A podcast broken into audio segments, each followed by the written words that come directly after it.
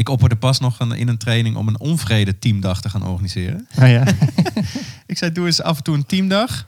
Waarin je gewoon eigenlijk, je gaat markeren die dag. Van die dag gaan we gewoon alles bespreken met elkaar wat we gewoon heel ingewikkeld vinden. Ja. Want als je een taal daarvoor hebt om dat te doen, en dat is verbindende communicatie, gaan we zo verder uitleggen hoe dat dan verder nog werkt. Eh, gaan we al die stapjes langs. Maar als je een taal hebt om je conflicten te bespreken, dan zijn juist die dingen die je lastig ja man, vindt, Zo rijk. ja, Ja. juist heel rijk. Want het gaat over echte dingen. Want daar word jij echt geraakt in iets wat je heel belangrijk vindt. Ja. En als we het daarover kunnen hebben, dan hebben we echt eh, diepgaande gesprekken. En eh, kunnen we echt krachtige volgende stappen zetten. Welkom bij de podcast van Samenwerk.nu. Een podcast over leiderschap en samenwerken. Wij zijn Karien Dommelholt, Robert Tannemaat en mijn naam is Adrian Roest. Wij helpen leidinggevenden en teams om effectief samen te werken door gelijkwaardigheid en vertrouwen. In deze podcast gaan we in op actuele thema's, vragen van onze volgers... en gaan we in gesprek met inspirerende mensen op het vlak van leiderschap en samenwerken.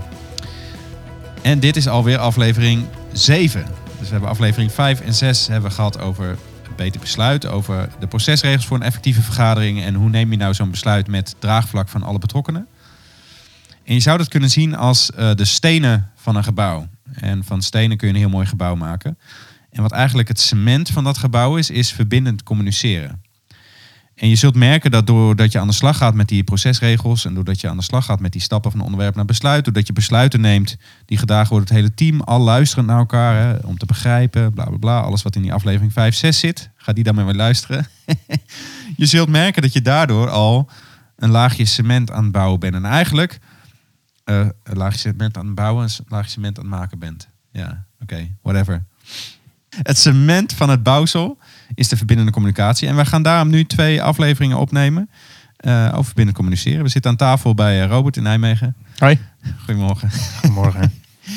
En eh, twee afleveringen vandaag over verbindende communicatie. En de volgende keer, eh, eh, volgende aflevering gaat dan over beter besluit bemiddeling. Hoe je van een conflict naar weer verbinding komt. Waarbij al die dingen die we verteld hebben eh, over de procesregels, over de stappen van onderwerp naar besluit. En ook vandaag alles wat we vertellen over binnen communica- communicatie, komt daar dan vervolgens ook weer in terug. Ehm, hoe gaan we het doen? Ga jij eerst wat vertellen over binnen communiceren? Zal ik dat doen? Ja, Ja. ga je gaan. Leuk.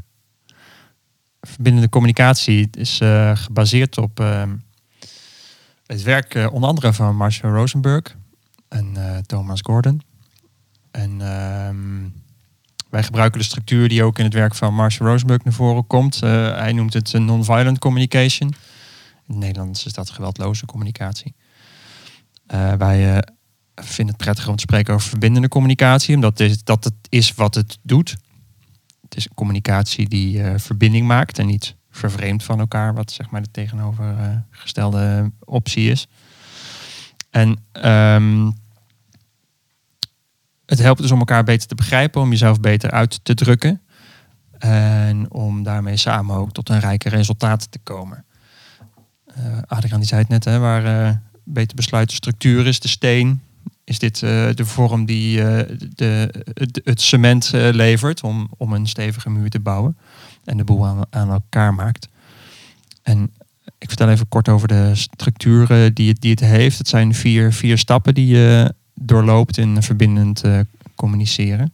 Misschien handig dat je ze eerst noemt. En dat we ze dan één voor één gewoon even langslopen. Ja? Ja.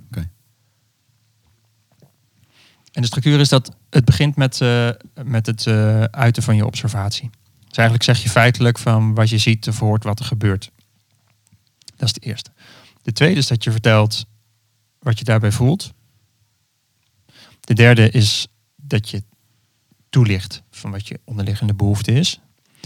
Die wel of niet vervuld is. Eh, als je wat we dan noemen positieve gevoelens hebt, dan zijn vaak behoeftes wel ver- vervuld. En als eh, wat je noemt eh, negatieve gevoelens hebt, dan zijn je behoeftes niet vervuld. En maar met gevoelens op zich kan je niet zo heel veel. Het is fijn om het te delen en om daarin gehoord te worden. Dat geeft dan rust. Maar echt verbinding maken, dat doe je meestal wel op het niveau van de behoeftes. Dus nadat je hebt gedeeld wat je gevoelens is, als je eh, iets hebt waargenomen of iets hebt gezien of gelezen of gehoord. Het is ook belangrijk om te ontdekken en te benoemen wat je onderliggende behoefte is. Ik geef zo een voorbeeld eh, dat die even beter, eh, beter landt. En als die behoefte bekend is, dan, dan ga je samen kijken van hey, hoe gaan we hier nu mee om. Dus je kan er een verzoek doen. aan jezelf of aan de ander of in de groep. En eigenlijk ben je dan met elkaar aan het kijken van welke strategie kunnen we met elkaar nou vinden die zoveel mogelijk van onze behoeftes wel gaat vervullen. Dat is eigenlijk in het kort het proces. Ja. Dus ik zou hem eventjes een kort voorbeeld noemen. Hè. Als je hebt over een, eh, je hebt een teamvergadering en een eh, eh, teamleider die komt met een nieuwe opdracht. En zegt van ja, weet je, volgende week jongens moet dit- dit af zijn. Dus dat is wat er gebeurt. En nou, dat kan iets met jou doen. Dat je denkt van ik heb het al druk. Dus dan zou je kunnen zeggen van, nou als ik jou dat hoor zeggen dat dat volgende week af moet zijn, dan voel ik me echt super onrustig worden. Dat ik heel erg behoefte heb aan overzicht en ook behoefte heb aan het stellen van prioriteiten. En ook behoefte heb aan dat ik ook zorg heb voor mijn, voor mijn andere, andere werk. Dus hoe is het voor jou om eh, te kijken van of iemand anders die opdracht zou kunnen doen? Zo. Dat is eigenlijk een voorbeeldje van dat we hem even van 1 tot en met 4 doorlopen. Waardoor je niet, met, waardoor je niet zegt van eh, ja hoi bekijk het maar, ik heb het al zo druk. Of waardoor je ook niet niks zegt en die opdracht maar slikt en thuis s'nachts wakker ligt en denkt van ja, hoe ga ik dit eigenlijk voor elkaar breien? Dus je, je zorgt en goed voor jezelf door het te uiten. Je maakt ook verbinding door gewoon eerlijk te zeggen van nou, ik heb zorg voor de rest van mijn werk, ik heb behoefte aan prioriteit of ik heb behoefte aan over, overzicht. En je, je, maakt, je reikt uit, je maakt het gesprek op gang door een verzoek te doen, in dit geval aan de ander. Om te kijken van hé, hey, misschien, eh, misschien kan je kijken of iemand anders die opdracht zou kunnen doen. Of laten we samen kijken van hoe we het kunnen inpassen. Eh, wat ga ik dan minder doen of zo? Nou, Ik zit even te denken, we kunnen die vier stappen doorlopen. We kunnen ook eerst even die giraf en die jakhals introduceren. Want die, die horen hier natuurlijk ook wel bij. ja. Leuk, wil jij dat doen? Ja, ja. Eh, Rosenberg die gebruikt dat in, in zijn werk. ehm, heeft hij zeg maar twee beelden. Het beeld van de giraf en het beeld van de jakhals. En die dieren zijn niet voor niks gekozen. Ik ga zo even uitleggen wat die, waar die dieren dan voor staan. Maar als je kijkt naar die giraf, die heeft een, ehm, een heel lange nek. Dus die heeft goed overzicht over de situatie. Die heeft ook een heel groot hart. Ook nodig om dat bloed allemaal rond te pompen. En die heeft ook iets met zijn, eh, met zijn tong, geloof ik, waardoor die ook ja, hij goed... kan eh, eh, doorns eten en verteren. ja, ja. En wat eigenlijk het beeld is van die giraf, nou je voelt hem misschien al aankomen, dat is, dat is de giraf in ons, is degene die, die de over, dat overzicht heeft van wat gebeurt hier eigenlijk, die daar met een groot hart naar kan luisteren en die niet zo, ehm, die, die, die die doorns gewoon in zijn mond neemt. Ja, hij kan, hij kan wel, hij kan wel wat hebben. Ja, Kan je tegen ja. snauwen en die koud erop en Ja. gaat niet terugblaffen. Een soort vleesgeworden em empathie. Ja, soort, ja, eh, de giraf. Mooi ja. En, en de jakhals, dat is ja, een beetje een eh, onderkruipsel. Hè? Die, die blaft en die bijt en die maakt ruzie en die scheldt en die... Je ziet overal een bedreiging in. Ja, ja. Ja. En dat is die kant in ons die, eh, ja, die gewoon een beetje gaat zitten schelden en, en boos is en weet ik veel wat.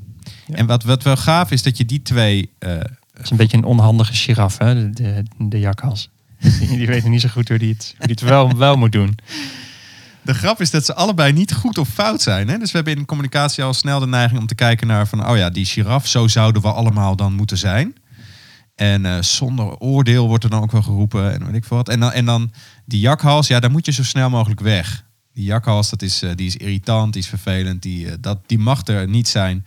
Wat zo leuk is aan verbindende communicatie, is dat, dat, dat ze niet, allebei zijn ze niet goed of fout. Ze zijn allebei een soort eh, antenne. Ze laten, ze laten je iets zien wat Ja. belangrijk is voor je. Ja.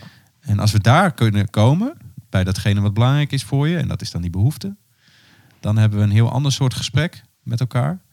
Dan dat we alleen maar gaan zitten schieten op elkaar of duiken of ja, vechten, vluchten, bevriezen, wat dan ook. Ja, ja. ja, die jakhals die kennen we allemaal heel goed. Hè? Rosenberg die zei ook altijd dat we allemaal zijn, allemaal zijn groot geworden met, de met de jakhalstaal. Ze zijn allemaal groot geworden met eh, oordelen en praten in strategieën. Strategieën zijn ik wil dat jij, of zo, hè, Ja. nu. Of ik wil dat het nu zo gaat. Terwijl je niet gaat onderzoeken van hé, wat ligt er eigenlijk precies onderaan behoeftes en hoe komen we daar samen uit. En zo zijn we allemaal grootgebracht. Zo, er is ook niks mis mee. Maar het is, vaak zijn het een beetje tragische uitdrukkingen van onvervulde behoeftes. Ja, ja. Dus als je eh, empathie kan voelen voor die jakhals, dan krijgt die giraf steeds meer ruimte. Ja, mooi ja. Ik wou ook nog wat zeggen erover, maar ik weet niet meer wat het was. Nou, whatever. Die jakhals, in ieder geval. Oh ja, dat wou ik nog zeggen. Jakhalsencafé. Ken jij die uitdrukking? Nee? Die werd een keer bij een eh geweldloos communicatietraining waar ik aan meedeed. werd Ik die vrij om te oordelen. Ja, Ja. Daar, zei, daar zei die trainer zei van, eh, ja, ik heb soms ook dat ik heel erg baal van van alles en dat ik ook wil schelden en weet ik veel wat. En dan doe ik soms jakhalsencafé. met een, eh, een vriend of collega die dat ook snapt. Ja. En dan gaan we gewoon even zitten zeiken. Op elkaar of over anderen. Of gewoon roddelen of weet ik veel wat. Omdat we weten van... eh, uiteindelijk komen we op dat gesprek daarachter van... hé, hey, maar wat gebeurt hier nou eigenlijk? En dan is het soms juist nodig om het gewoon maar toe te staan. En om het toe te staan is het nodig dat je, dat je, het, dat je het niet als goed of fout ziet. Want als je het als fout ziet, dan ga je het uit de weg. En als je het dan toestaat, dan laat je blijkbaar iets fouts toe. Maar als je het los van goed of fout kunt zijn, dan kun je zeggen van laten we het gewoon maar even laten gaan. Om vervolgens te kunnen onderzoeken van maar wat zit er nou eigenlijk onder? Ja. Welk verlangen zit eronder? Welke behoeften zitten onder? Ja, ja. ja, als je niet zo gecontroleerd toe zou kunnen staan, dan kom je er ook niet achter. Hè, wat er eigenlijk. Nee, dus, dus verzet je niet tegen al je weerstand en je boosheid. Dat is misschien ook al een soort oproep die we dan doen. Nee, laat dat juist maar zien. En we komen vervolgens wel erachter wat daarachter zit. En dan hebben we een gesprek wat over de echte dingen gaat. Ik vind dat ook, als ik in teams werk, hou ik... Ergens hou ik helemaal niet van conflicten, want ik heb altijd heel erg behoefte aan harmonie. Ik wil heel graag anderen inspireren en zo. Dus als, dan, als er dan iets van wrijving opkomt, dan, dan gaat er ergens een stemmetje in mij die zegt... Oh, je hebt het fout gedaan, je doet het nog niet goed. Maar inmiddels weet ik van, oh nee, maar dit zijn juist de gesprekken waar, eh, waar het over de echte dingen gaat. Ja. En waar de echte problemen op tafel komen. En waar de echte diepe verlangens en behoeftes op tafel komen. En als we daar komen, dan hebben we het echte gesprek. Ja. Ik opperde pas nog een, in een training om een onvrede teamdag te gaan organiseren. Ah, ja. Ik zei, doe eens af en toe een teamdag. Waarin je gewoon eigenlijk, eh, je gaat markeren die dag. Van die dag gaan we gewoon alles bespreken met elkaar wat we gewoon heel ingewikkeld vinden. ja. Want als je een taal daarvoor hebt om dat te doen, en dat is verbindende communicatie, gaan we zo verder uitleggen hoe dat dan verder nog werkt. Eh, gaan we al die stapjes langs. Maar als je een taal hebt om je conflicten te bespreken, dan zijn juist die dingen die je ja lastig man, vindt, zo rijk. ja, Ja. juist heel rijk. Want dat gaat over echte dingen. Want daar word jij echt geraakt in Ja. iets wat je heel belangrijk vindt. Ja. En als we het daarover kunnen hebben, dan hebben we echt diepgaande gesprekken en eh, kunnen we echt krachtige volgende stappen zetten. Ja. ja, vaak vind ik het heel moeilijk om dat gesprek dan te voeren als er iets, iets ongemakkelijks of pijnlijks of ge- gevaarlijks misschien op tafel ligt. Ja. Terwijl juist als je er wel de ruimte voor weet te maken, dan, eh, dan kan je wel echt heel veel verder komen. Want het is al, alles waar je, wat je laat liggen en een beetje onder het tapijt schuift, eh, dat, dat, dat, blijft, dat blijft wel liggen. Ja. Dus dat gaat Ja. wel uiteindelijk je team ook in de weg zitten. En dat is ook waarom ik zo ongelooflijk enthousiast ben over geweldloze communicatie, over verbindende communicatie. Omdat het mij heeft eh, geholpen om juist op die diepere laag uit te komen, ook als het lastig wordt. Dat conflicten, dat ik niet meer uit de weg hoef te gaan, dat die geen bedreiging meer zijn, maar dat die juist een kans zijn om op een diepere laag met elkaar in verbinding te komen met Ja. elkaar. Ja. Dat vind ik Dat heerlijk. zijn tragische uitingen van onvervulde behoeftes. Precies, ja, dat is mooi. Ja. ja. Dus dan kan je gaan zoeken naar de behoeftes daaronder. Ja. Nou, als we dan gaan naar eh, stap 1, die observatie. Eh, het is wel leuk om te vertellen dat in trainingen doe ik vaak hier een, een oefening bij. En ik kan die oefening wel gewoon even kort toelichten. Dan vraag ik aan de deelnemers van... eh, ga mij eens vertellen wat je tot nu toe aan mij gezien hebt. En dan, nemen ze even de tijd, dan geef ik ze even tijd, een paar minuten, schrijf ze wat dingen op. Wat heb je tot nu toe aan mij gezien? En de grap is dat, dat ze vaak dan al onze online trainingen over verbindende communicatie ook al bekeken hebben. Dus dat is ook altijd een soort test van hebben ze echt begrepen wat in die training zit of nog niet. En dan blijkt dat het in de praktijk toch best lastig is. Want wat er dan gebeurt, is dan gaan mensen mij vertellen van eh, ja, eh, ja, je bent grappig en eh, enthousiast en je inspireert en je bent soms ook wat warrig en nou ja, weet ik veel wat ze allemaal noemen. En de grap is dat bijna 90%, misschien wel bijna 100% van wat ze vaak zeggen, is helemaal niet wat met de camera vast te leggen is, maar het is allemaal geïnterpreteerde waarneming. Ja. Dus ze hebben iets gezien en ze hebben dat al geïnterpreteerd op een bepaalde manier. Van, oh ja, dat heb ik vaker gezien, dus dat zal wel dit of dat betekenen. Gelabeld. Echt gelabeld, ja. En ze hebben eigenlijk geen idee of wat ook echt zo is. Of ik dat ook op die manier zo beleef. Ja. Dan zeggen ze, oh ja, je kunt goed luisteren. Zeg je, je moest eens weten. Ik heb precies de truc. Ik weet een paar trucjes waardoor jij de indruk hebt dat ik goed luister. Maar ondertussen ben ik gewoon mijn eigen huis aan het inrichten. Ja. ja. Eh, nee, wat zijn dan de observaties? dat is interessant. Wat zijn de observaties? En, en dan zegt iemand wel eens van... Ja, dat, eh, ik was na jou en toen zei ik iets. En toen kwamen er nog heel veel anderen na. En toen wist je nog wat ik gezegd had. Oh ja. En dat gaf me het idee dat je het echt wel goed geluisterd had. Oh ja. Denk oh, dat is dan een objectieve observatie. Ja, de observaties, ik kwam na jou en daarna kwam er nog een heleboel. En Ja. daarna wist je nog steeds dat. Dat Ja, was dus de eens, observatie. ik weet niet of dat uit Gordon Communicatie komt of dat Willeke, mijn vrouw, die training geeft in Gordon Communicatie, of die dat van een collega-trainer heeft opgepikt. Maar het beeld Eh, observatie is wat je met een camera vast kunt leggen. Ja. Dus gewoon wat die camera ziet en registreert, dat is wat observatie is. En er gaan heel veel gedoe in communicatie ontstaat op het idee dat we snappen wat er gebeurde. ja, op de- interpretatie. Op de interpretatie. En als je nou eerst eens begint met die stap van, maar wat gebeurde hier nou eigenlijk? Gewoon even eh, feitelijk, dus niet wat het allemaal bij je opriep en zo, maar wat gebeurde hier nou? Ja. Dan heb je al zo'n ander startpunt voor een eh, gesprek. Ja. ja, bijna alle gedoe ontstaat door interpretatie. Ja. Ja. En dat dat vervolgens eh, wat daar gebeurt van alles met je doet, dat dat bepaalde gevoelens oproept, dat is die volgende stappen. Dat is, dat is prima, hè? Dan komen we wel bij het tweede misverstand, wat dan vaak gebeurt. Ehm, en waarom mensen het ook soms spannend vinden om mij die feedback te geven, omdat ze dan denken dat het mij van alles doet. We hebben vervolgens, eh, doet dat van alles met ons, die gevoelens. En we hebben dan ook de neiging al snel om eh, wat er gebeurde, of, of die ander die wat deed, om die als schuldig aan te wijzen. Of als oorzaak aan te wijzen voor eh, wat ik dan voel. Ja, ja. Het is jouw schuld dat ik me boos voel. Ja, ja. Ja. Ehm, of jij werd, jij werd eh, eh, boos op mij, zeg maar. En, en jij vond dat ik iets beter had moeten doen. Oh, nu heb ik dus iets fout gedaan volgens... eh, eh, nee, ja, volgens jou. Ja, dat klopt dan wel. dat is dan wel eh, objectief op. Maar dat ik me dan schuldig zou gaan voelen, bijvoorbeeld. Eh, en dan kan ik zeggen, ja, maar dat, dat komt door jou. Want jij werd boos op mij. En daar gaat volgens mij dus ook heel veel mis in communicatie. Dus één gaat heel veel mis in dat geïnterpreteerde observatie. Eh, wat we al denken wat die ander bedoelt. En twee is dat we het dan ook naar ons toe trekken. En dan denken dat wat die ander allemaal vindt en voelt en zegt, dat dat over ons gaat. Ja, ja. Projecteren. Ja, Of op onszelf of op de ander. ja. en de grap is van verbindende communicatie, en dat vind ik fantastisch, is dat alles wat je vindt, voelt of zegt, gaat over jou en over jou alleen. Ja. Het heet ook zo'n boek, hè? Wat je, wat Ja. je vindt mag je houden. Wat je vindt, mag je houden. Ja. En eh, dat is zo heerlijk voor mij. Want al die lui die, wat mij, terug, die mij wat teruggeven in die training. Bij allemaal weet ik, dit zegt alles over hen. Dus ik kan wel zeggen van ja, maar ze vertellen toch allerlei dingen over jou. Nee, maar dat is wat zij gezien hebben, wat zij geïnterpreteerd hebben en wat zij daarbij voelen. En dat is allemaal van hen. En in die zin kan ik wel de aanleiding zijn dat er iets getriggerd wordt aan jezelf. Doordat ik wat zeg of doe of juist niet. Maar ik ben niet de oorzaak. De oorzaak ligt in die behoefte die eronder zit en die wel of niet vervuld wordt. Ja. Dus als mensen heel blij worden van mijn grapjes, dan is het blijkbaar omdat ze zelf ook wel behoefte hebben aan humor en weet ik veel wat. Ja. En als ze mijn grapjes ongepast vinden, dan is dat blijkbaar omdat ze eh, een heel andere behoefte hebben. Maar in ieder geval niet die behoefte aan eh, lichtheid en Ja. humor en weet ik Waarde, wat. respect of zo. Of Ja. weet ik veel wat. Ja. En als je dus op die manier kan kijken naar alles wat die ander zegt, dan komt het ook al heel anders binnen. En ik zeg wel ook wel eens, wil, als iemand tegen je zegt van ja, maar ik heb geen idee wat mijn behoeften dan zijn, dan moet je die persoon gewoon feedback aan jou laten geven.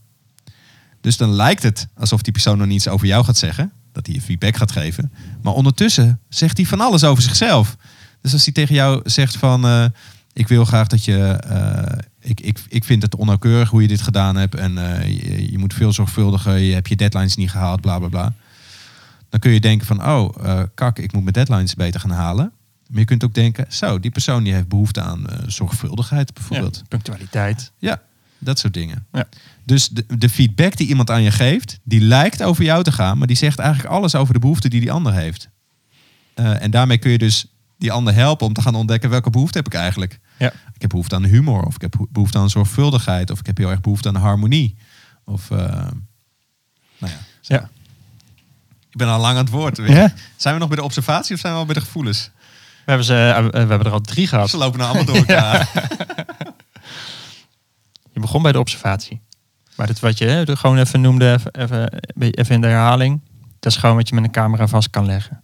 Ja. Het is gewoon wat je ziet. Ik zie jou nu met je wenkbrauwen fronzen. Voel je eh, ben je onzeker? Hè? Bij wijze van spreken. Of eh, je slaapt met je hand op tafel, voel je je boos. Ja. Nou, de grap is nu, Of wat je... je- al doet, is dat je het gelijk checkt. Hè? Ja, Ja, dus Ja. je interpreteert het niet. Je ziet Ja. iets gebeuren en je checkt, betekent het dit of dat? Of wat, wat betekent het wat ik zie? ja, ja, ja. Dus het is gewoon wat je ziet. Meer, eh, meer niet. Ik moet denken aan iemand die in een eh, workshop zat en de hele tijd met een sjaal over de hoofd zat. Die had zo'n sjaal en die zat de hele tijd met de sjaal. En ik dacht, wat is hier aan de hand? Ik kan er dan ook wel onrustig van worden. Ik denk, oh, die is echt niet aangehaakt. Die maakt het allemaal niet mee. Dus ik vroeg dat aan haar. Ik zei, oh, je doet die sjaal zo over je hoofd. Wat betekent dat? Ik merk dat ik een soort onrustig van word. En eh, omdat ik niet weet wat het betekent. Dus zei ze, nou ja, ik heb eh, wat lichte migraine en eh, al dat licht en zo, daar kan ik niet zo goed tegen. Dus ik ben er helemaal bij, maar ik, ik zorg dat ik zoveel mogelijk rust Ja, ja. rond mijn hoofd heb. En daarmee was alles uit de lucht. Fijn hè? Bij haar en bij mij. Dus zij Ja. kon gewoon lekker zo blijven zitten. De rest van het team kon het ook prima duiden. En ik voelde me niet meer onzeker, omdat ik dacht, oh help, komt het wel over. Ja. Ja. Dus wat je ziet en het vervolgens checken. Ja. ja. ja. En wat je hier ook al doet, is, eh, is het uit elkaar pluizen van nee, het voorkomen dat je in strategieën gaat zitten. Tenminste, ik zie het in, in, in werk zo vaak dat het misgaat, omdat mensen zeggen van ja, ik wil dat. Heb je over participatie met bewoners of zo, of andere samen, samenwerking. Dat ze zeggen, ja, ik wil, ik wil dat. Zo, en zo moeten we dat gaan doen. En die andere die heeft, die komt van een andere part, partij, dus die, die heeft ook zo'n bepaalde voorkeur hoe dat het gaat. En dan vanaf het begin af aan sta je al bijna tegenover elkaar, omdat die strategieën niet matchen. En eigenlijk moet je daar eigenlijk van het begin af aan al de helderheid in scheppen. En dat is wat je met die observatie doet. Dus dan kan je wel zeggen van, oké, ik hoor jou dat nu zeggen, dat je dat wil, maar en dan kan je dus gaan onderzoeken van wat hij eigenlijk, eigenlijk wilt. Ja. Dus die helpt dan gewoon die, die, die, die aan het begin al, zeg maar, voordat de verwarring nog verder kan ontstaan, die je daarop door gaat borduren en daar je hele proces in heel complex mee maakt. Dat je aan de voorkant al gaat kijken van, hebben we gewoon echt hier helderheid over waar het eigenlijk over gaat. En wat we beide willen daarin. Ik zit te denken, hij haakt eigenlijk ook heel erg op wat eerdere aflevering al regelmatig genoemd is. Hè, dat de kracht van, eh, eh, ook van onze aanpak is, maar van werken met beter besluit, verbinden communicatie, is dat mensen zich gehoord voelen. En als ze zich gehoord voelen, hoeven ze hun zin niet meer te krijgen. Dan heb je een heel ander soort gesprek.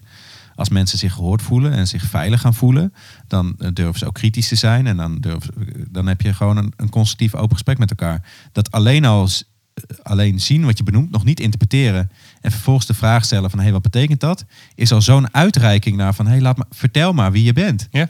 Daar zit al dat horen, dat echt zien van die ander zit daar eigenlijk al in. Van Ja. ik, ik ga niet interpreteren wat je doet, maar ik ben wel nieuwsgierig naar wat het betekent. Ja. Eh, dus die nieuwsgierigheid, eh, grappig ja, dat die eerste stap eigenlijk al heel erg inwerkt op dat psychologische veiligheid, je gehoord voelen. Ehm, en dan krijg je dus ook wel eh, eh, de grap dat er dan zomaar niet zoveel meer aan de hand is. Jij hebt wel eens gezegd, volgens mij was het die vorige aflevering over als we dan het onderwerp gaan verkennen, waar gaat het daar eigenlijk over? Dat we dan soms aan het eind van die verkenning al tot de conclusie komen, ja, dit punt kan eigenlijk van de agenda. Maar dat kan dus bij conflicten ook gebeuren. Als je eerst eens gaat verkennen, wat is er nou eigenlijk echt het gebeurd? eigenlijk? Waar gaat het eigenlijk over? Ja.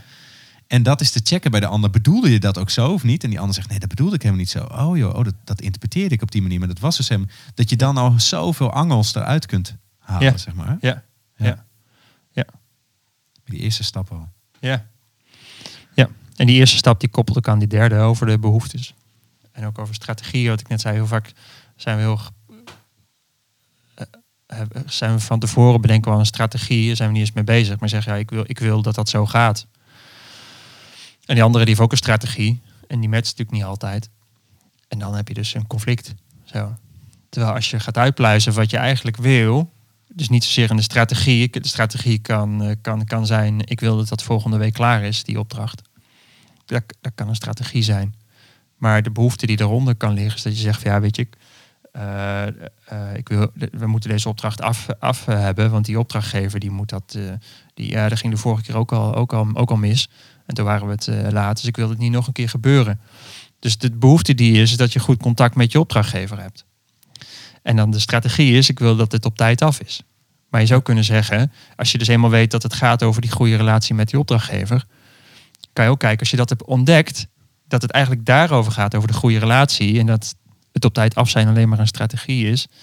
En als die strategie heel veel stress oplevert in het hele systeem of in je hele onderneming, zou je kunnen zeggen van nou, ik laat er gewoon eens contacten mee met, met die opdrachtgever en gewoon eerlijk en open bespreken waar we nu staan. Ja. Dat we ons heel graag in willen zetten dat het op tijd klaar is, dat het tegelijkertijd ook heel veel druk oplevert naar andere pro- projecten.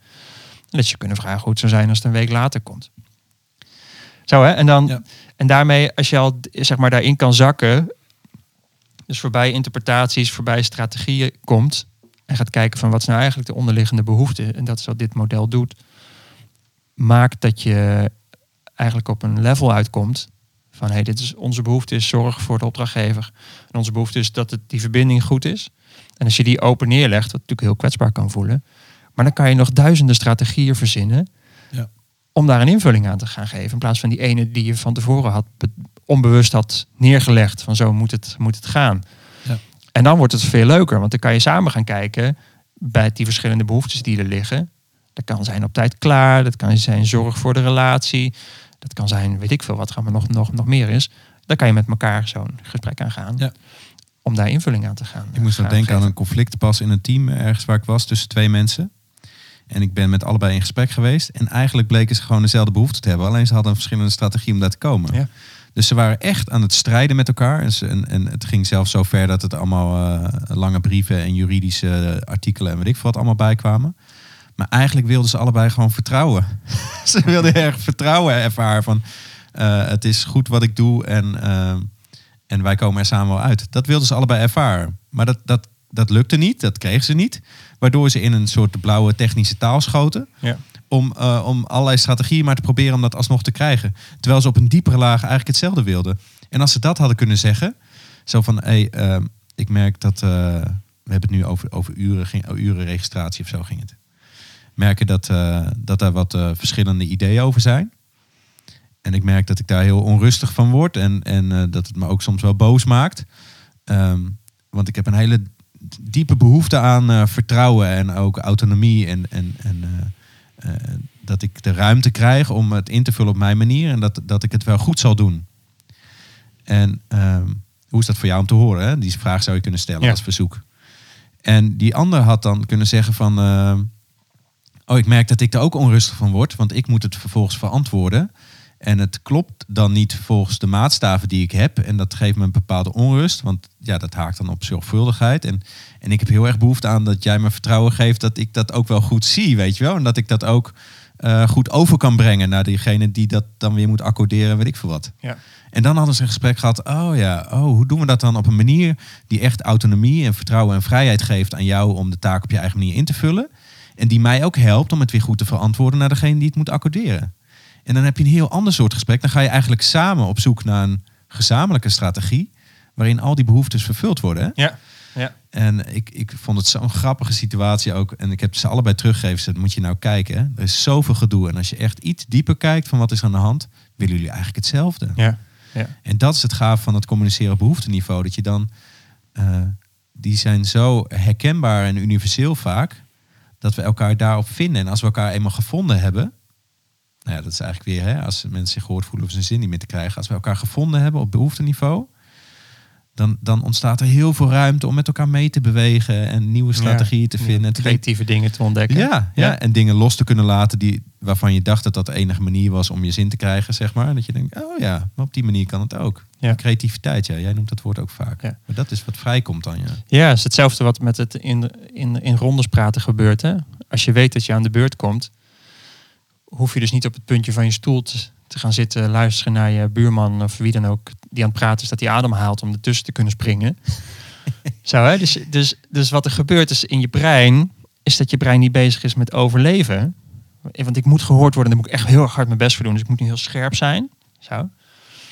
Maar je weet, je, je kan ontspannen, want je komt aan de beurt. Dus komt je brein ook uit die overlevingsstand en dan kom je in een meer creatieve flow. Gebeurt hier hetzelfde. Als je uit die strategieën discussie komt, het is gewoon strijd. Dus je hele brein vernauwt zich tot ik moet gelijk krijgen, anders heb ik verloren.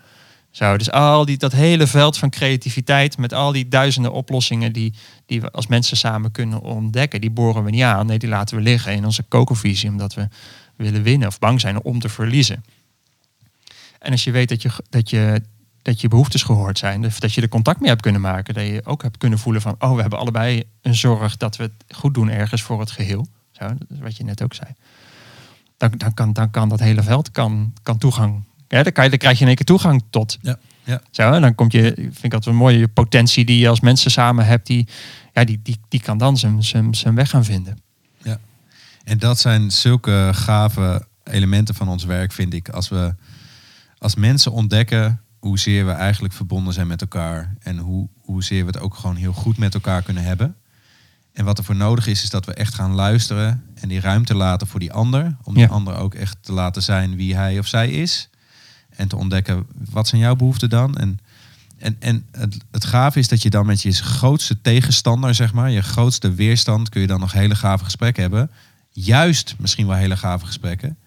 Eh, omdat het dan niet meer op strategieën botst en een wedstrijd is. Maar omdat we op behoefteniveau elkaar vinden. En vanuit een gezamenlijkheid dan, dan wel een weg gaan vinden die goed is voor iedereen. Ja. ja. Ja. Ik moest nu eh, eh, denken, ik heb twee jaar geleden, twee, drie jaar geleden, een eh, leergang over Ubuntu en leiderschap gedaan. Binnenkort spreken we met Annette Mul, die die leergang orga- orga- organiseert en die ook over boeken heeft geschreven over Ubuntu. En voor degene die het niet weet, maar Ubuntu is een, is een Afrikaanse levensfilosofie. Die heel erg eh, overeenkomt hè, met het werk wat wij, wat, wij, wat wij doen. En daar is het begrip eh, tussenruimte kwam daar vaak in naar voren. Zo, dus de ruimte tussen, tussen alles in. Zo, en, en daar gebeurt het. Ja. Zo, en als mensen hebben we die mogelijkheid om die zeg maar, te scheppen zo, in, in, in onze samenwerking. En dat doen we dus onder andere dus, dus in rondes praten en, in, en het toepassen van die verbindende communicatie. Dat geeft ons toegang tot die tussenruimte.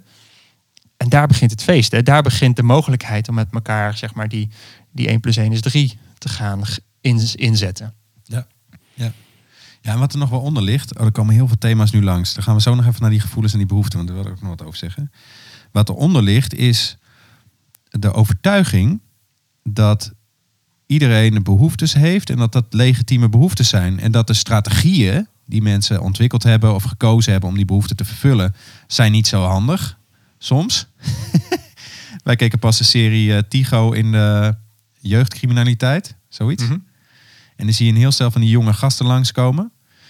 Die hele legitieme behoeften hebben, maar strategieën kiezen die echt ja, nou ja, vrij destructief zijn voor zichzelf en voor anderen. Dus als het gaat over handel in drugs of overvallen of weet ik veel wat.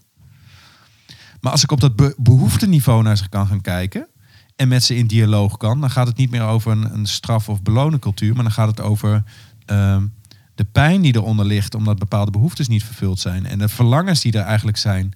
Wat ik bijvoorbeeld veel terugzag was een verlangen naar een veilig thuis. Een plek waar vader en moeder zijn, die je zien en die je, die je welkom heten en die je, eh, die je een schuilplaats geven eigenlijk. Hè? Een veilige plek om je terug te trekken. En dat, dat missen maakt dat die gasten soms juist gaan vechten. Dus die Mhm. moeten gaan vechten voor hun positie. En dan krijg je dat ze dingen gaan doen die allemaal niet zo handig zijn. Maar als je dus voor beide strategie kunt gaan kijken naar dieperliggende behoeften, dan ga je in de grootste eikels, in, de, in, in het vervelendste gedrag wat je ziet, ga je nog ontdekken van hé, hey, maar eigenlijk zit daar iets onder wat eigenlijk heel erg begrijpelijk en legitiem is. En wat niet goed praat, dat die strategie misschien helemaal niet handig is.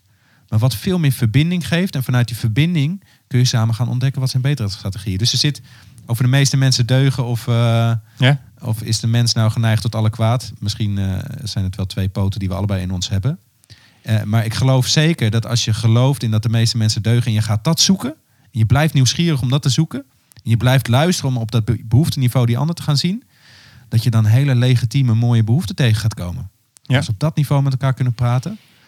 Ja, dan is het echt verbindend en krachtig en effectief. En Ja, ja, ik geloof heilig dat als we dit zouden doen collectief, hè, dan dat we bijna lege gevangenissen zouden hebben. Op die ene enkeling na die echt, die echt zijn hersenen echt niet bij elkaar krijgt. En, eh, Ja.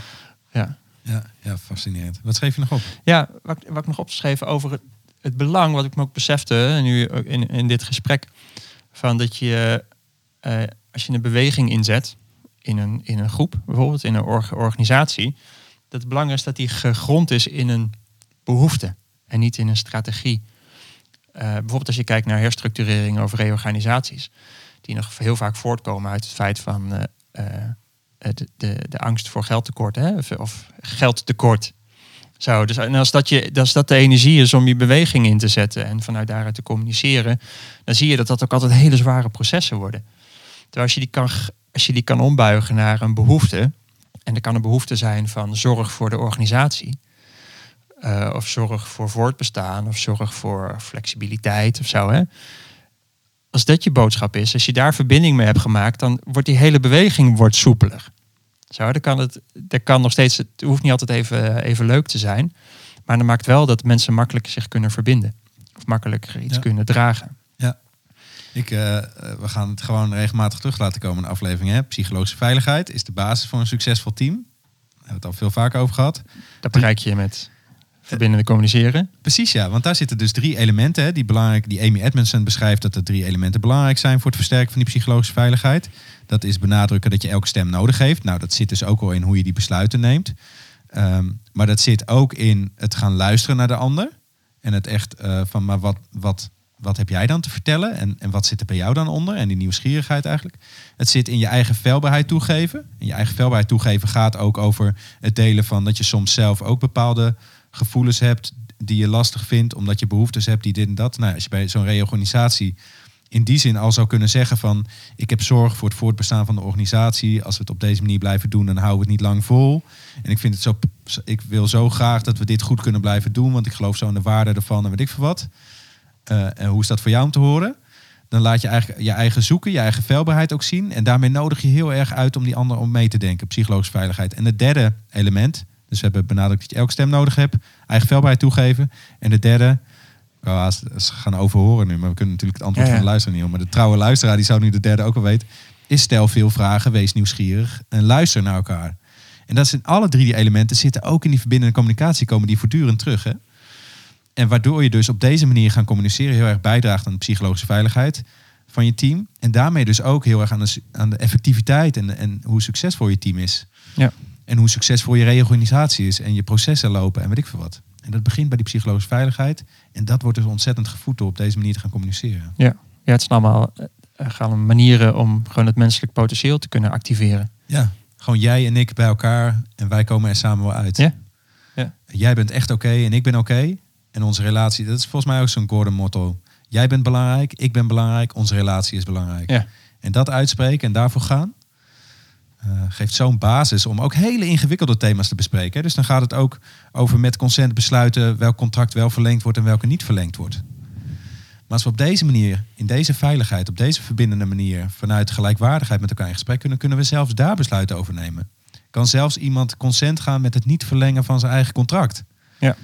Ehm, en dat is gewoon de realiteit, dat is de praktijk, dat is wat kan gebeuren. Eh, hoe gaaf is dat? Ja. Toch? Ja. Zeg, ik schreef net, eh, net, net nog op dit luisterende en dat je soms ook geduld moet hebben. Zo, hè? Dit, klinkt, dit klinkt natuurlijk fantastisch en dat is het ook. En soms is, kan het ook een, soms kan het ook nodig zijn om te investeren. Hè? Dus iemand heel erg in de, of de situatie heel erg in de jakhals modus zit, kan het soms tijd nodig hebben om eruit te komen. Ja. Dus ja, het werkt heel goed en soms moet je ook wat ge- geduld hebben. Ja. Het voorbeeld ik laatst hier, eh, hier in de straat bij ons hebben we met, eh, de, met de buren hebben we eh, bloemenperkjes aangelegd. We vonden dat er heel veel tegels waren. Dus we hebben er in overleg met de gemeente een heel proces, plannen ingediend en handtekeningen opgehaald in de, in de, in de straat, et cetera. Hebben we bloemenperken gemaakt met daaromheen een soort hekje van wilgeteen vlechtwerk. En toen kwam een, een zoon van een buurvrouw, die kwam eh, daarna naar, naar mij toe. En die was echt heel erg boos erover. Want er was iets met dat perkje bij zijn moeder voor de deur. En dat was heel erg gevaarlijk nu. En eh, dit en dat. En de gemeente zus. En nou, die was heel erg boos. En ehm, dus ik luisterde gewoon naar hem. Ik zei, ja, ik snap. Je voelt je er boos over. En je wilt heel graag dat je erin gehoord wordt. En eh, ja, en er wordt nooit naar geluisterd. Ik zei, ja, ja, dat snap ik. En ja, er was helemaal geen toestemming. Oké, oké, oké. Dus ik heb heel geluisterd naar hem. Maar ik kwam niet verder. Zo, hè? Ja, ja. Dus ik, mijn, mijn oordeel was, ja, je wil gewoon boos blijven. Maar, eh, en tegelijkertijd besefte ik ook van, oké, maar er zit iets, iets wat veel dieper zit dan alleen maar dat perkje. Er zit iets veel dieper. Maar dat nu wel naar boven komt. Het wordt getriggerd door, die, door, dat, door dat perkje.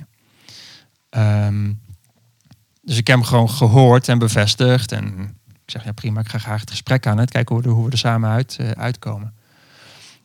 En dat was nog steeds lastig. En toen besefte ik ook toen weer van, oh ja, het, soms, soms is het gewoon dat je een aantal trades moet zetten met elkaar. Of een aantal stappen doorkomen. Eh, dus dan moet iemand heel lang nog een tijd, tijdje gehoord worden, zeg maar. Ja. Voordat je dan samen weer verder kan komen. Ik dacht, ik kan ook even een voorbeeld noemen van hoe die heel snel kan gaan ook. Ja. Ik had een tijdje terug, eh, moest nog van ons kerstboom af. En wij hebben naast ons huis, of naast het huis van de buren, onder één kap, eh, is een bos. En we gooien daar ons schoenafval neer. En dat ligt op een houtwal en dat verteert mooi en zo. Dat is dan prima. Maar ik moest dus nog van mijn kerstboom af en ik dacht, ik gooi die ook gewoon daar neer. En ik, ik gooi hem daar neer en de buurvrouw komt naar buiten en die zegt, eh, ja Adrian, dit kan echt niet. En, eh, en ik, was, ik, ik raak dan heel even, schiet ik in een soort stress van, oh nee, harmonie weg. Oh, dit gaat niet goed. Zo, Ja. dan even de stress. En ik dacht opeens, eh, ik snap hem niet. Want we gooien ons groenafval daar wel neer. Kerstboom is ook groenafval, maar kerstboom kan dus niet. Dus ik ging eerst eigenlijk even van, hey, wat gebeurt hier nu? Waar gaat dit feitelijk over? Ik dacht hier niet zo heel hard over na, maar achteraf dacht ik, het is wel een leuk voorbeeld. dus ik vroeg aan de buurvrouw van, oh, maar we gooien normaal ons groenafval daar wel neer. En de kerstboom eh, vind je dus niet fijn. Hoe zit dat verschil dan? Of vind je eigenlijk groenafval ook niet fijn? Nee, nee, nee, dat is prima. Maar die kerstboom, en straks gooit iedereen zijn kerstboom daar neer. En dan wordt het zo'n soort dump. En straks mogen we dan ons groenafval daar niet meer neerleggen. En weet ik Ja, veel ja, ja. Ik zei, oh, oh joh, oh ja, nee, dat, dat, eh, dat lijkt mij ook vervelend. Ik zei, zou het helpen als ik, eh, als ik de kerstboom in stukjes zag? Dat het niet meer te onderscheiden is als kerstboom. Ja, dat is fantastisch, Adriaan, dankjewel. En ze gingen we naar binnen. En er was niks meer aan de hand. ja. En er was typisch zo'n, ik stond er nog bij daarna dat ik dacht, oh ja, dit is typisch zo'n geval die dan helemaal in conflict kan schieten. Ja, dat je als buren elkaar niet meer, niet meer aankijkt. Omdat tien Ja. jaar geleden ooit iets met een kerstboom was. Ja, dan moet de rijdende rechter langskomen. en, eh. Terwijl, eh, wat is er nou feitelijk aan de hand? En, eh, oh, maar zou met een ander soort strategie, dus door hem in stukjes te zagen, zou het dan wel eh, eh, rust geven? En, en nou ja, ja, Ja, ja, ja. oké, dat is het dus. ja. En er was nog geen twee, drie minuten en het was gefixt. En het had ook een ruzie kunnen worden, omdat ik dacht van ja, ga jij mij nou de les lezen? Ik weet toch zeker zelf wel of ik hier een kerstboom neer mag gooien. Ik zal die kerstboom voortaan bij jou in de tuin gooien. ja, je gooit er zelf ook spul neer. Ja, voortaan dump ik mijn groen afval bij de buren in de tuin en niet meer in het bos. ja. ja. Nou, maar het is dan, het is zeg maar, in, bij geweldloos communiceren of uh, verbindend communiceren, ze noemt een soort stille emp- empathie. Zet jij in jezelf, in jezelf het toegelaten dat je begreep van wat belangrijk was voor je buurvrouw. Ja.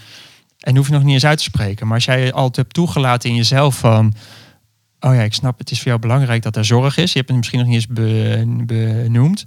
Die ander voelt dat. Dus Ja. die voelt zich al gehoord en ontvangen. En die ontspant, want die, die komt ook uit de strategie. Die komt ook uit de overlevingsmodus. Ehm, en dan kan je keer samen weer, weer kijken naar nieuwe oplossingen. Ja, ja.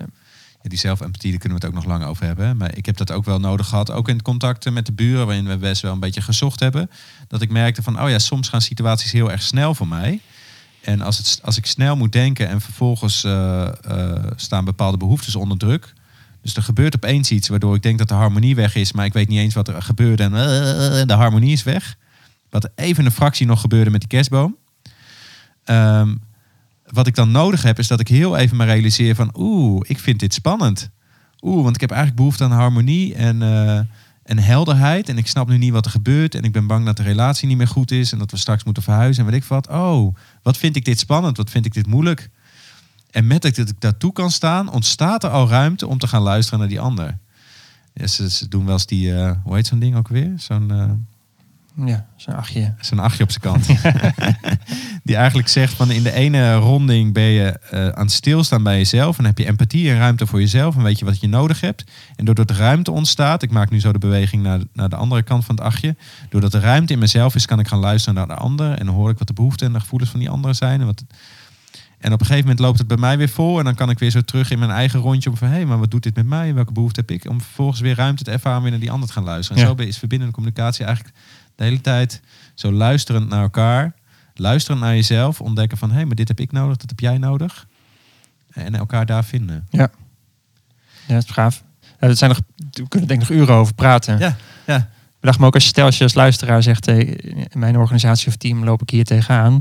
Leg je je vraag gewoon eens voor. Dan ehm, kunnen we gewoon een keer een podcast eh, behandelen. Ja, ja. Überhaupt, hè, als je vragen hebt over onze werkwijze, eh, om dan is dat in te sturen zodat we het in een podcast kunnen behandelen. Dat Ja. is superleuk. Wat je nog kunt doen, waar wij nog geen eh, download voor aanbieden, mijn vrouw trouwens wel, die kun je ook nog opzoeken. Maar is een lijst van gevoelens en behoeften. Dat kom je bij geweldloze communicatie. Kom We je hebben, we ze wel, hè? Wij hebben ze wel. In onze training zitten ze Ja, wel. ja. Onze training verbindende communicatie. Eh, als, je, als je googelt op lijst gevoelens en behoeften, dan kom je ook TIG tegen. En ze lijken allemaal op elkaar. Er zit heel veel overlap in. Ja. En wat heel erg kan helpen, die lijsten, is om eh, woorden te geven aan de gevoelens die je wel hebt, maar waar je van niet zo goed weet hoe moet ik dat nou duiden. Dus dan zeg ik vaak, pak eens die lijst met gevoelens erbij en omcirkel eens van welke gevoelens spelen er nou eigenlijk in jou. En pak dan die lijst van behoeften erbij. En, en kijk dan eens, uh, als je heel erg blij en gelukkig bent, welke behoeften zijn blijkbaar vervuld. En als je verdrietig, bang, uh, weet ik veel wat bent, kijk eens op de lijst welke behoeften zijn er niet vervuld. En ga dat eens omcirkelen. Uh, wij hebben ze aan de binnenkant van de keukenkastje hangen, zelfs die lijsten, om ook af en toe op te kijken. We werken natuurlijk in onze training ook veel met gokkaarten. Ik weet dat die bij Carina ook gewoon op tafel staan. Bij ons staan ze ook in de buurt trouwens. Om ook die kaart, ik zag ze hier ook wel staan, die kaarten erbij te pakken waar ook allerlei behoeftes en gevoelens op staan. Dan gewoon eens wat kaarten te pakken van, oh ja, dit is hoe ik me nu voel, want ik heb eigenlijk behoefte hier en hier aan. Dus training giraffentalen, dat je van jezelf... Uh, Mooi ja, en laat dan die ander ook eens een paar kaarten pakken. Oh ja, oh, ik voel meer dit, want ik heb meer behoefte aan dat. Oh ja, oh, vertel daar nog eens wat meer over. En hoe, hoe, hoe regel je dat dan? Hè? Welke strategieën kies je daarvoor? Oh, en ik doe dat op deze manier. Oh ja, nou ja en dan heb je een heel verbindend gesprek. Uh, met behulp van uh, uh, een papiertje of een kaartenset die je woorden geeft die je zelf misschien niet zo had bedacht. Ja. Die lijsten kunnen behoorlijk lang zijn. En er zit gewoon heel veel creativiteit in die je net midden in je emotie niet zo paraat hebt misschien. Ja. Gaan we zo afronden? Ja. Ja, bij verzoek nog één. De magische vraag, die soms ook wel wat jeuk op kan leveren. Laatste stap, hè? Verzoeken doen. Verzoek.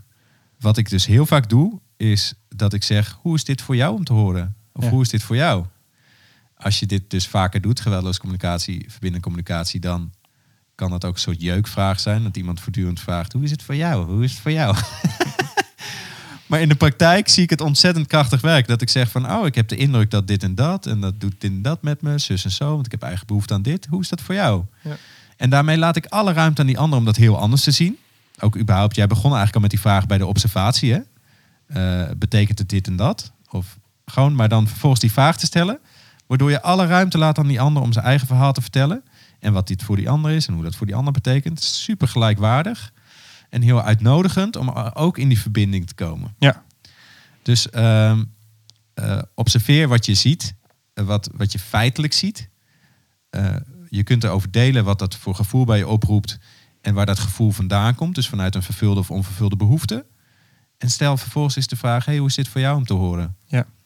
Nou, als je die paar stappen doorloopt, ben me heel benieuwd wat dat experimentje gaat brengen. Ja. En eigenlijk alles, hè? Als, het maakt niet uit wat je zegt, als je afsluit met hoe is dat voor eh, jou, kan eigenlijk niks misgaan. Ja, ja. Want je hebt het daarmee ook niet vastgelegd of zo. Ja, precies. Je, je, geeft helemaal, je zet de ander niet precies niet vast, maar je geeft de ander de ruimte van, oh, oh ja, nee, dat was voor jou dus. En nu kan ik zelf gaan bedenken, uh, wat vind ik er eigenlijk van? En eigenlijk is alleen al die ene vraag, is, is die drie stappen van Edmondson in de ene. Dus het is benadrukken dat je elke stem nodig hebt. Ook van, maar vertel jij eens, hoe zie jij het? Eigen veelbaarheid toegeven. Dit is geen vaststaande conclusie.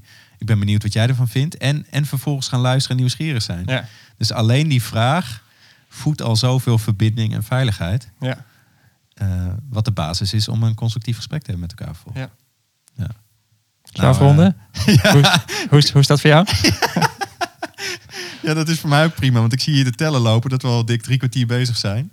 Ja. Dus uh, we kunnen hier nog heel lang over doorpraten. We gaan straks nog een aflevering opnemen over hoe ga je nou van een conflict, kom je weer in verbinding. En dan ga je dus heel veel herhaling wel. Of nou, we gaan proberen zo min mogelijk te herhalen. Maar dat is helemaal in de lijn van deze aflevering. Uh, tof dat je luisterde. Ja. Bedankt voor je aandacht. We hopen dat het je geïnspireerd heeft. En vond je het nou waardevol, dan we het heel erg waarderen als je het zou willen delen. Als je anderen zou willen laten weten dat dit een waardevolle podcast is. En, en wat dan een mooie vorm is, door bijvoorbeeld een screenshot van je telefoon te maken.